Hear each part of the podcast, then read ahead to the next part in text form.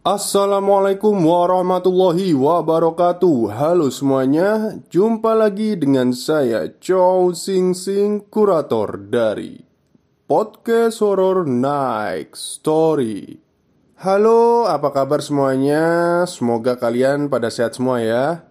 Dan seperti biasanya pada malam hari ini Saya kembali dan akan membawakan sebuah kisah mistis untuk kalian semua dan kisah kali ini saya datangkan lagi dari akun twitternya Mas Bri Story Yang menceritakan tentang villa yang ada di puncak Bogor.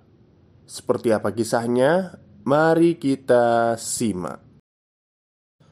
Nyaris Setiap pekerjaan memiliki sisi misteri. Berbalut seram menguji hati dan nyali. Termasuk penjaga villa Bagaimanapun keadaannya, mereka harus tetap terus menjalankan tugasnya. Rahmat, penjaga villa di Puncak Bogor, akan menceritakan kisah seramnya di sini, di Bri Story. Selesai sudah prosesi penguburan Pak Hendra. Satu persatu pelayat meninggalkan pusara. Areal pemakaman yang tadinya ramai berangsur sepi Begitu juga dengan aku yang akhirnya pergi melangkahkan kaki. Suasana acara pemakaman selalu begini. Hawanya sedih. Rasa kehilangan mendominasi. Aku terbilang sangat jarang menghadiri prosesi pemakaman. Kalau bukan keluarga atau kerabat dekat, aku nggak pernah menghadirinya. Tapi ini Pak Hendra, bukan keluarga bukan juga kerabat, tapi aku harus menghadiri pemakamannya. Hampir selama tiga bulan terakhir, tiga bulan terakhir hidupnya, Pak Hendra bisa dibilang adalah mentorku. Aku Rahmat, usiaku masih 22 tahun ketika semua peristiwa di Villa Puncak ini terjadi pada tahun 2008 lahir dan besar di Cibinong, Bogor. Setamat SMA, aku nggak melanjutkan sekolah lagi. Lebih memilih untuk bekerja walaupun masih serabutan. Singkatnya, pada tahun 2008, aku menganggur cukup lama karena memang belum ada pekerjaan yang membutuhkan tenagaku.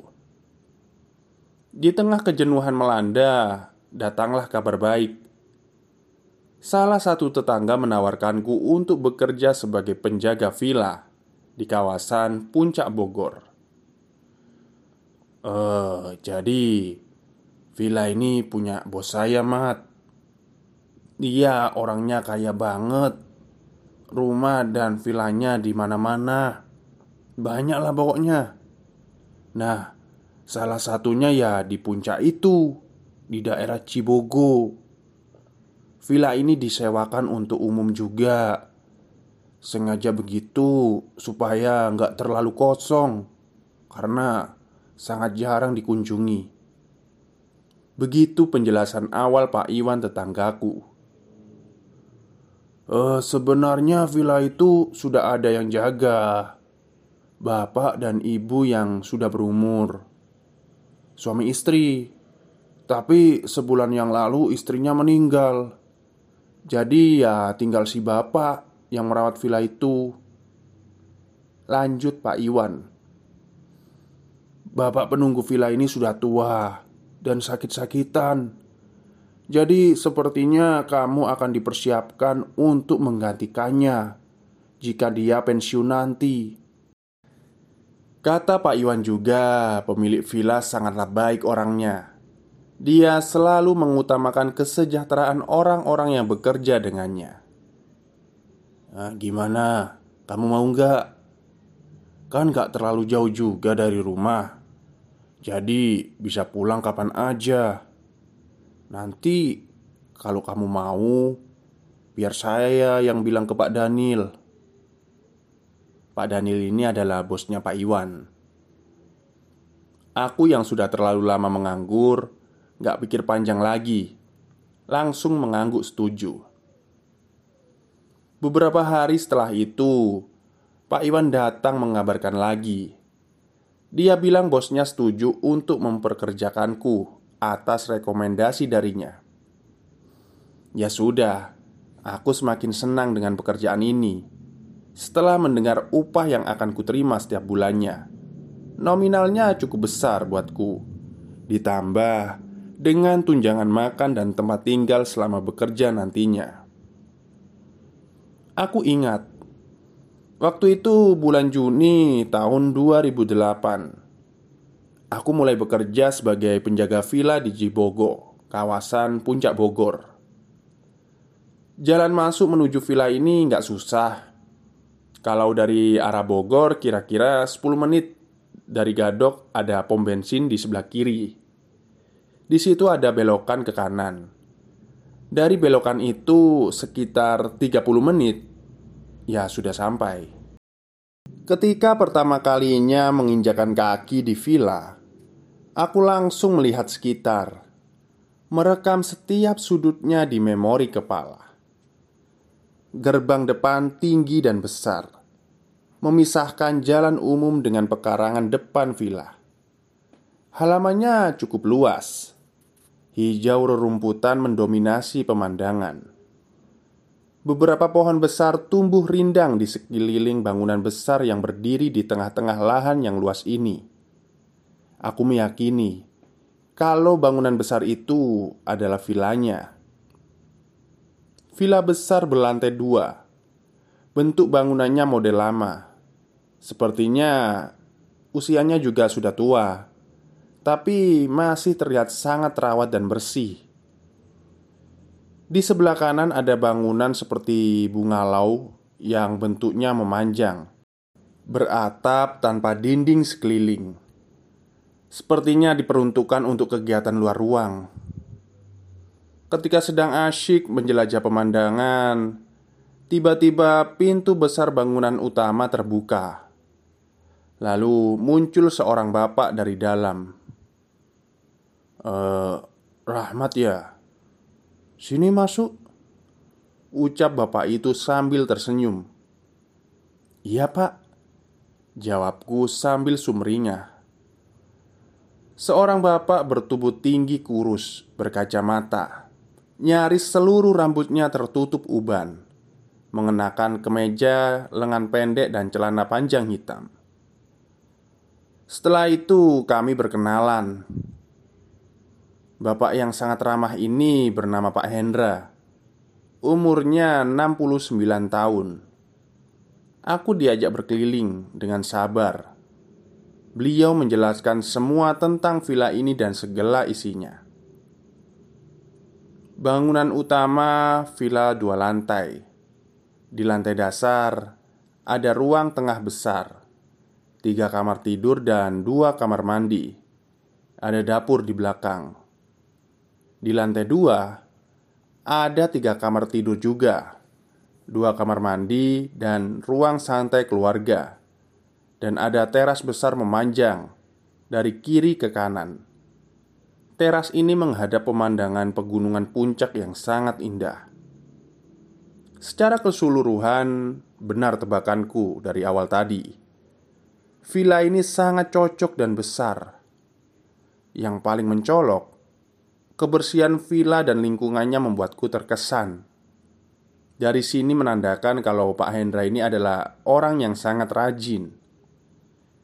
Di belakang villa ada bangunan berukuran jauh lebih kecil dari bangunan utama, tapi nggak terlalu kecil juga.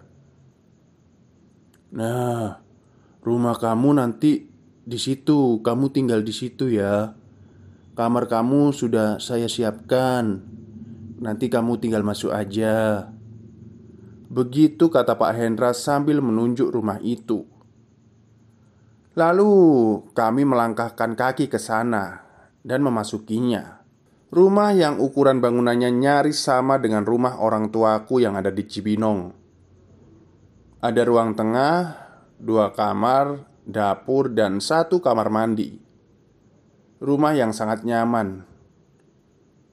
Kamu Beberes dulu aja ya Saya tunggu di Bungalau Nanti kita ngobrol lagi di sana. Hehe, ucap Pak Hendra. Aku yang baru hanya membawa sedikit pakaian, jadi nggak terlalu lama untuk beberes. Setelah itu keluar rumah menuju Bungalau, tempat Pak Hendra duduk menunggu. Uh, jadi nanti setiap pagi kita membersihkan seluruh tempat ini, luar dan dalam villa halaman depan dan belakang, pokoknya semuanya. Begitu kata Pak Hendra ketika kami lanjut berbincang. Intinya, tugas kami adalah menjaga villa agar tetap bersih, nyaman, dan aman. Kami juga akan melayani serta memenuhi semua kebutuhan para tamu penyewa villa. Kata Pak Hendra, Penyewa villa paling banyak dari kalangan keluarga besar dan grup kecil kantor atau perusahaan. Sebisa mungkin kami akan memenuhi semua kebutuhan dan keperluan para tamu penyewa yang menginap dan mengadakan acara di sini. Kurang lebih begitulah tugasku. Setelah selesai menerangkan tugas-tugas dan lainnya, Kemudian Pak Hendra mulai bercerita sedikit tentang kehidupan pribadinya. Sepanjang siang hingga sore, kami hanya duduk berbincang. Pak Hendra bercerita terus sambil menghisap rokoknya. Sudah berbatang-batang rokok dia habiskan sejak awal pertemuan kami tadi. Sangat kelihatan kalau beliau ini adalah perokok berat. Sudah hampir 30 tahun lamanya Pak Hendra bekerja di villa ini. Sejak orang tua Pak Daniel sang pemilik villa masih hidup. 30 tahun bekerja didampingi oleh istri tercinta.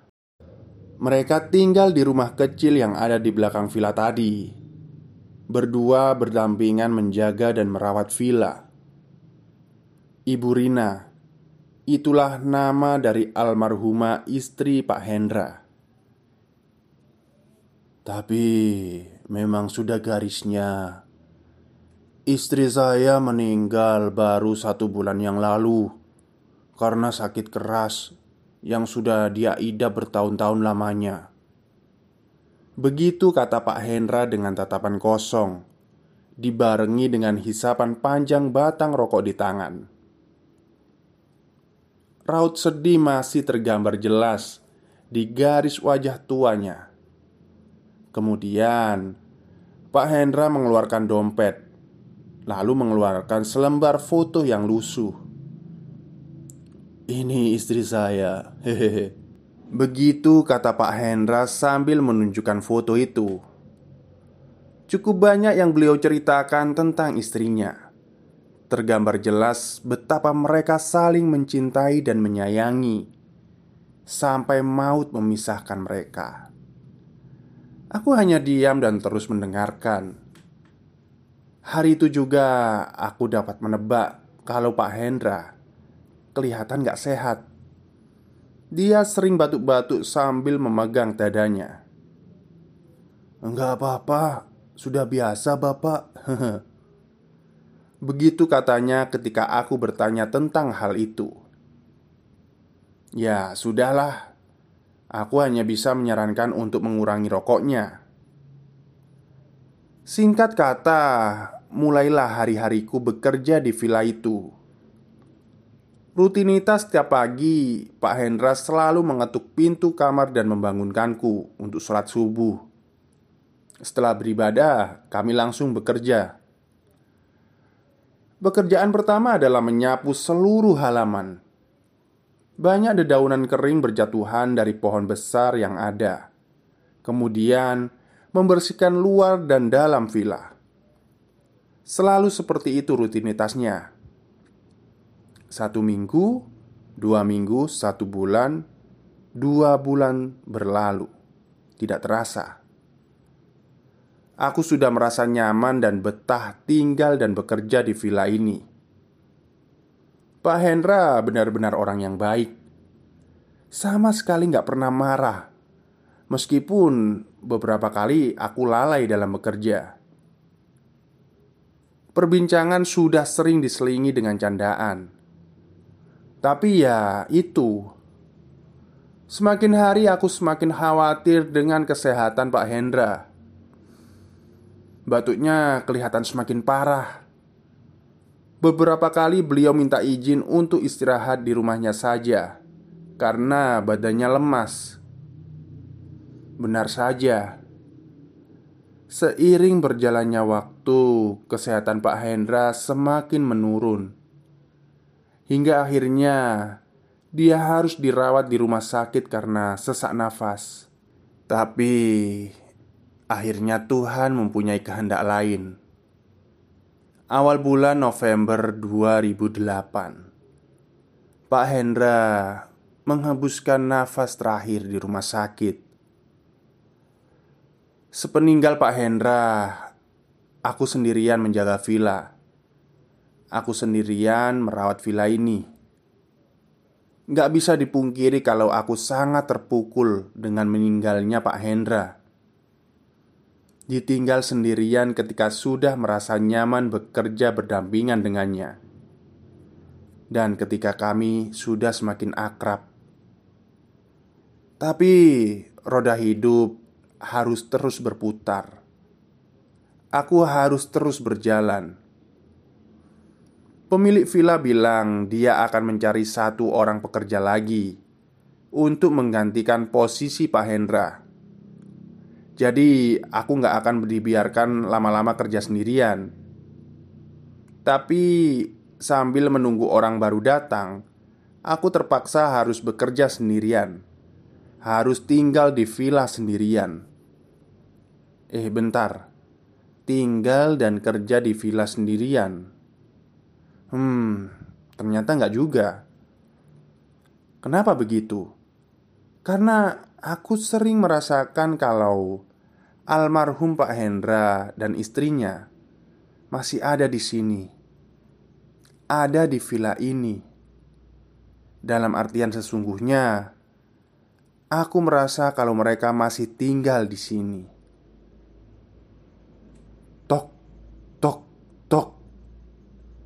Iya pak. Aku menjawab ketukan pintu kamar. Masih sangat mengantuk karena kurang tidur malam sebelumnya. Lalu aku menjawab Iya pak.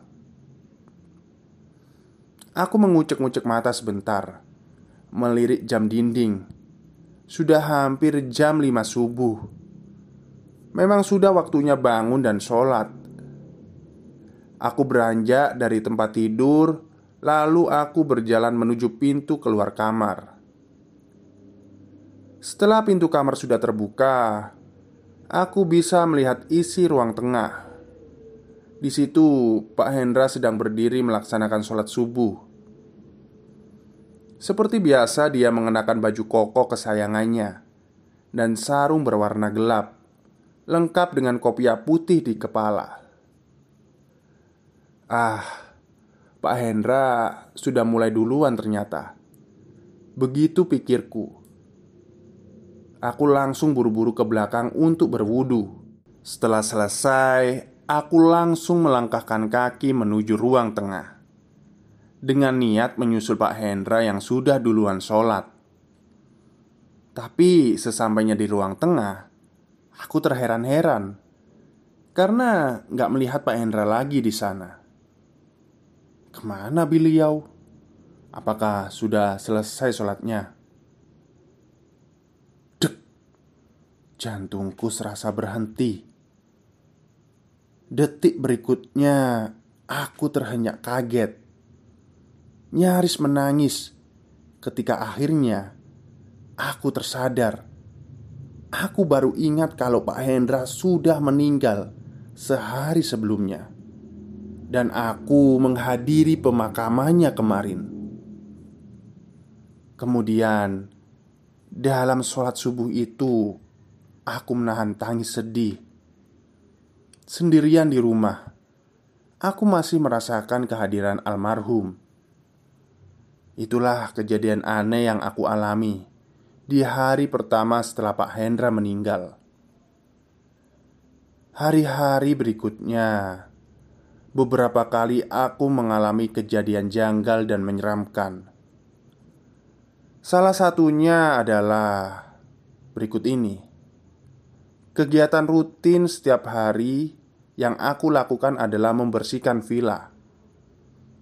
Setelah ada tamu ataupun gak ada, aku menyapu dan mengepel lantai, membersihkan kamar mandi dan menyekat debu, dan lain sebagainya. Suatu hari, belum lama dari meninggalnya Pak Hendra, aku sedang membersihkan villa di lantai dua. Memang biasanya seperti itu. Aku membersihkan lantai dua terlebih dahulu setelah selesai, baru membersihkan lantai satu. Posisi villa yang jauh dari jalanan umum dan keramaian menjadikannya sangat sepi walaupun di siang hari. Aku yang sedang membersihkan lantai dua nyaris bisa mendengar suara apa saja meskipun samar. Nah, aku langsung menghentikan kegiatan ketika ada suara dari lantai bawah jelas terdengar kalau salah satu keran di kamar mandi bawah tiba-tiba hidup. Suara airnya kedengaran mengocor deras, jatuh ke dalam ember, seperti ada yang sedang menampung air di ember. Siapa? Ya nggak tahu, karena dapat dipastikan kalau aku sedang sendirian dalam villa ini. Beberapa saat kemudian keran itu mati. Sepertinya ember sudah penuh. Aku masih diam berdiri pada posisi awal dengan tangan masih memegang sapu. Aku terbengong-bengong mencoba mencerna apa yang sedang terjadi di lantai bawah. Kemudian terdengar suara langkah kaki kaki yang melangkah di atas ubin. Samar, tapi aku masih bisa mendengarnya. Itu siapa? Kataku semakin penasaran. Aku yang sedang berada dekat dengan pintu kaca melirik keluar. Dari kejauhan, kelihatan kalau pintu gerbang dalam keadaan tertutup dan gak ada kendaraan yang terparkir juga. Jadi harusnya gak ada siapa-siapa. Lalu, siapa yang sedang berada di bawah? Suara-suara terus saja terdengar, kadang samar, kadang jelas. Yang pasti, sedang ada kegiatan. Suara cipratan air yang disiram ke lantai Lalu ada suara kain pel yang bergesekan dengan ubin. Semuanya aku dengar, seperti ada yang sedang mengepel lantai bawah. Aku yang sejak tadi berdiri diam, akhirnya memberanikan diri untuk melangkah menuju tangga. Di ujung atas tangga, perlahan aku memaksa untuk mengintip ke bawah. Awalnya hanya kelihatan sebagian kecil saja.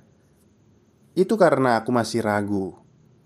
Perasaan ini campur aduk antara was-was, takut, dan penasaran.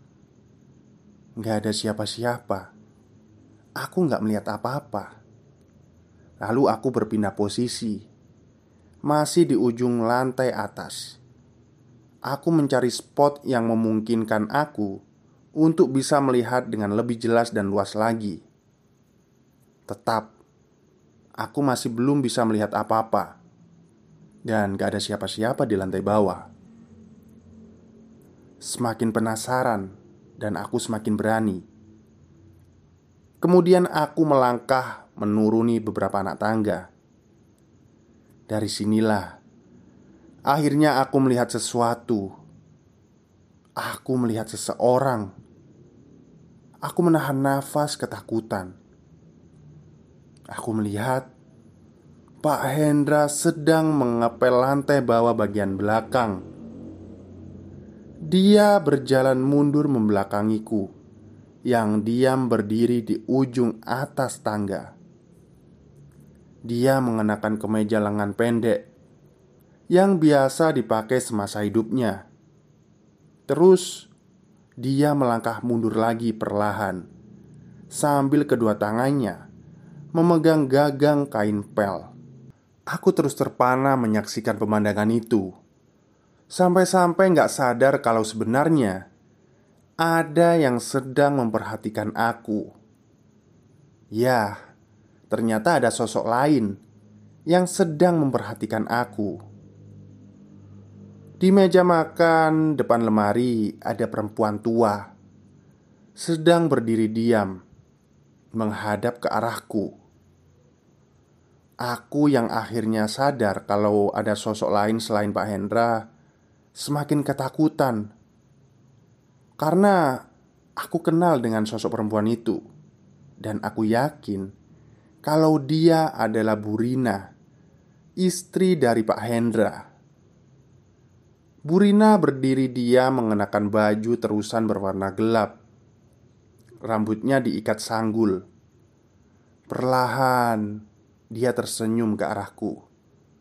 Senyum ramah. Lalu aku membalas senyumnya Sementara Pak Hendra masih terus mengepel lantai Posisinya masih membelakangiku Cukup lama aku diam memperhatikan Sampai akhirnya aku tersadar kalau dua orang itu sudah meninggal Aku memaksa kaki melangkah mundur dan kembali naik ke lantai dua. Kemudian di teras depan, aku duduk melamun. Ketakutan memikirkan kejadian seram yang baru saja aku alami. Oh, sebenarnya Mas Siapa sih namanya tadi? Rahmat ini nggak usah takut ya Karena apa? Dengan adanya hantu tersebut itu bisa terbantu loh pekerjaan Jadi Mas Rahmat gak perlulah mengepel atau membersihkan lantai satu Karena ada yang menanganinya Jadi lantai dua aja Satu bulan setelah meninggalnya Pak Hendra Aku kedatangan tamu seorang pemuda Yang usianya sama denganku Dia bilang dia diterima kerja di sini membantuku menjaga dan merawat villa. Sebut saja namanya Roni. Dia warga Bogor juga, sama denganku. Singkat kata, akhirnya aku nggak sendirian lagi. Sudah ada Roni yang membantu. Selama beberapa hari kerja, aku sudah bisa melihat Roni. Kalau Roni ini orangnya sangat rajin, menyenangkan juga, dan enak untuk dijadikan teman ngobrol. Aku yang sudah sebulan sendirian di sini jadi cukup senang dengan kehadiran teman kerja yang baru. Tapi sayangnya Roni bekerja hanya sekitar satu minggu. Tiba-tiba dia meminta izin untuk berhenti kerja.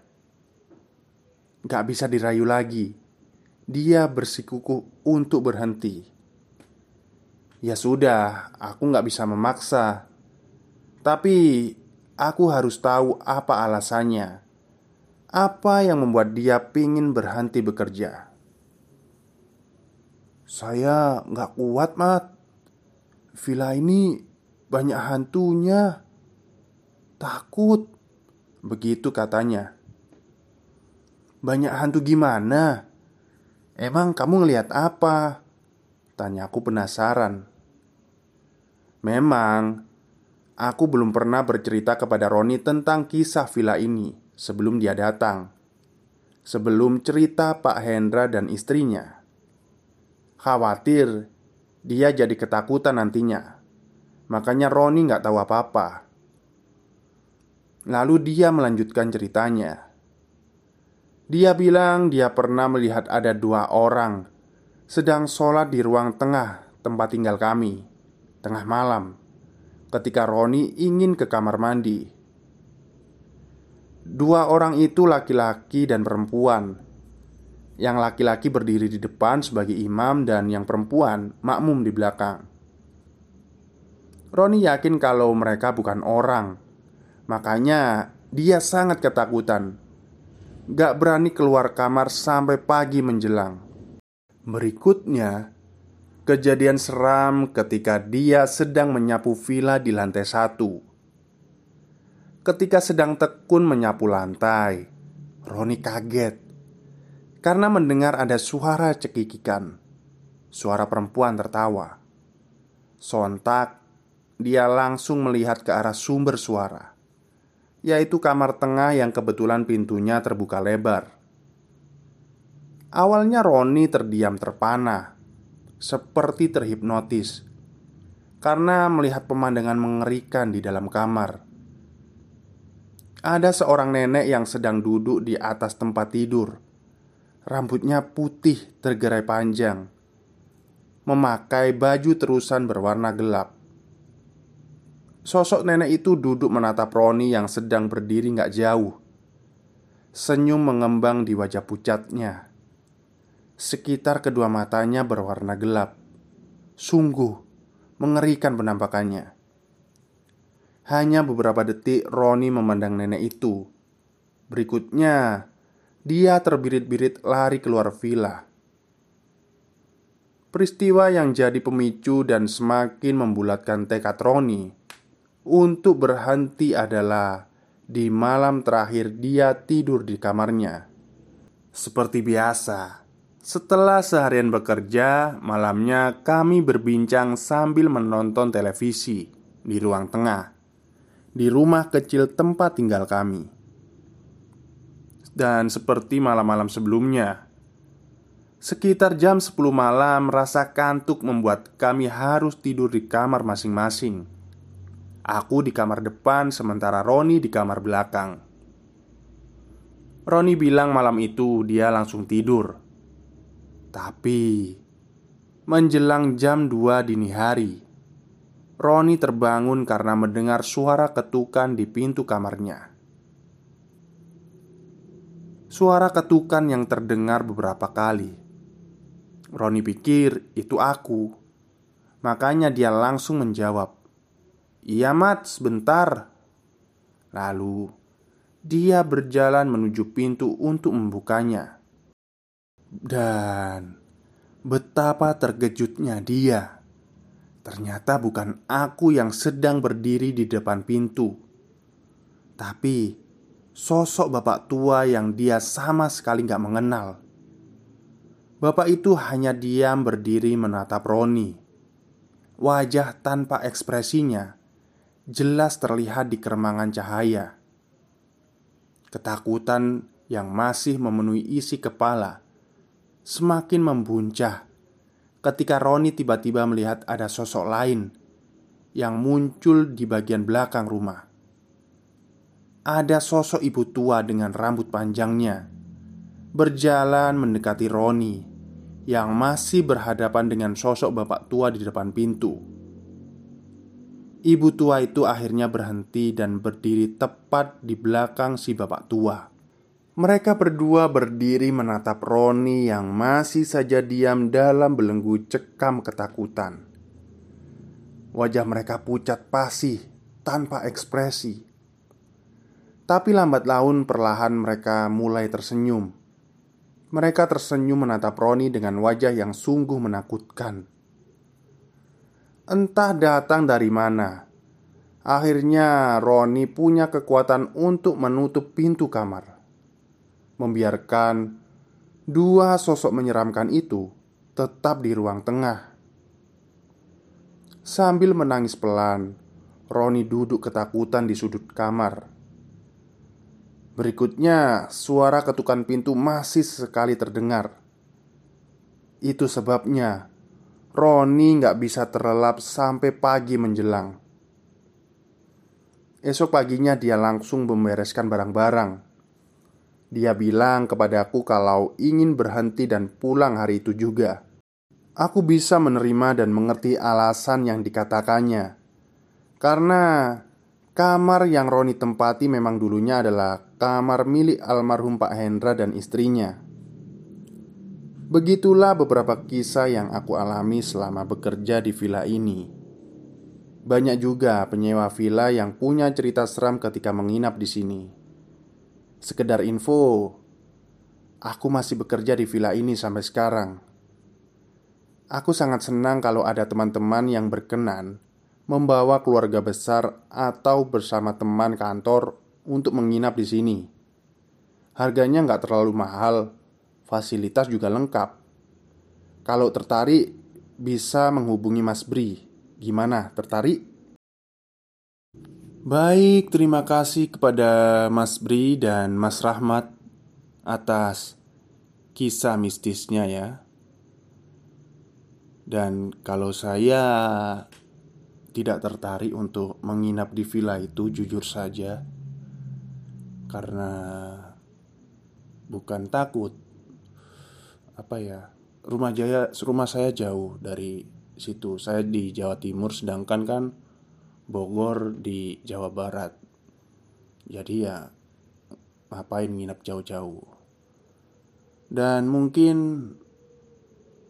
ya hantu yang ada di villa itu itu adalah perwujudan jin yang sering mungkin sering e, melihat rutinitas dari almarhum Bu Rina dan Pak Hendra. Jadi mereka menirunya.